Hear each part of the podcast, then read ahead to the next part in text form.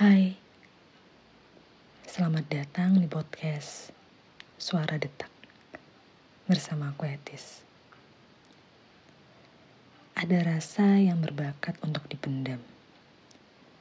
Bukan rasa benci, bukan pula dendam.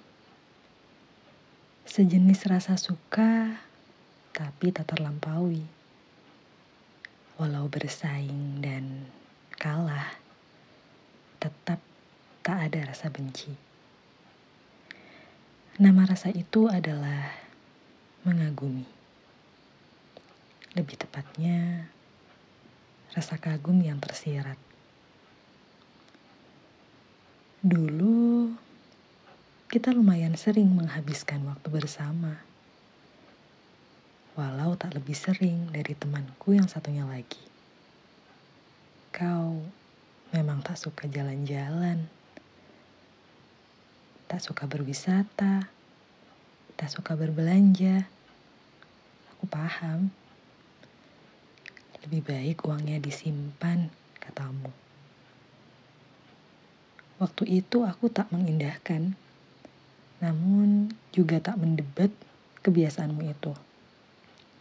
Aku tahu itu hal baik, tapi bukan karena itu rasa kagum ini hadir itu kan kisah lama. Rasa kagum ini baru saja hadir kemarin tahu. Aku cukup tahu sebagian kisah hidupmu. Ya, tentunya karena kau sendiri yang menceritakannya.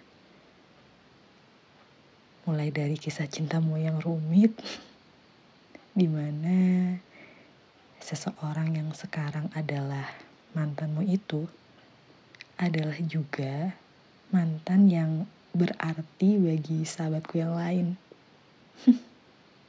Drama klasik. Dulu kita menertawakan ini begitu sering. Ya, kita sering sekali tertawa dan bersedih. Kisah pilu itu. Aku ingat sekali waktu saat itu ibumu tiada. Tapi kau cukup tegar untuk tidak menangis di hadapku. Nah, sudahlah, jangan diingat-ingat lagi. Lagi pula, kau tak pernah lama meratapi kesedihanmu itu kan? Setidaknya yang terlihat begitu. Sudah aku bilang kan, kau orang yang cukup tegar. Kau terus melanjutkan hidupmu. Meneruskan semangat yang selalu menggebu-gebu itu. Aku ingat tahun lalu kau kesal sekali. Karena tak lolos ujian ASN. Hanya ku tanggapi dengan tawa. Tentu saja kau tambah kesal Aku sudah nyaris gila, katamu. Hingga akhirnya, beberapa bulan yang lalu kita berjuang bersama dalam ujian itu. Ya, aku tahu. Kau tak akan mengulangi kesalahan yang sama. Itu bukan dirimu.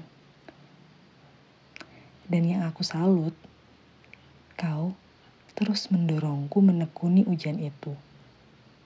Padahal kau sendiri pasti sedang berjuang mati-matian untuk berhasil juga. Kau bahkan mengajakku yang malas ini untuk belajar bersama.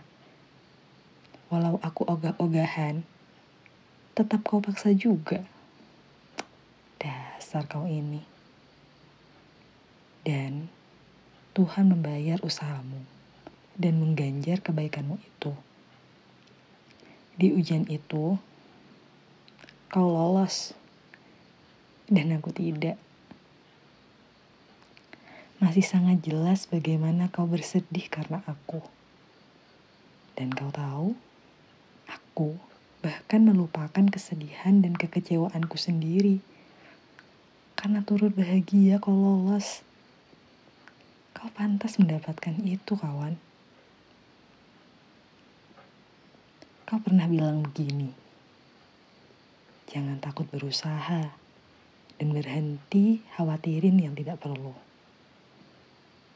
Kalau kamu merasa berat sama sesuatu, berarti kamu gak percaya sama Tuhan. Dan aku masih ingat petuah itu sampai saat ini. Perlukah aku jelaskan lagi arti kekaguman itu?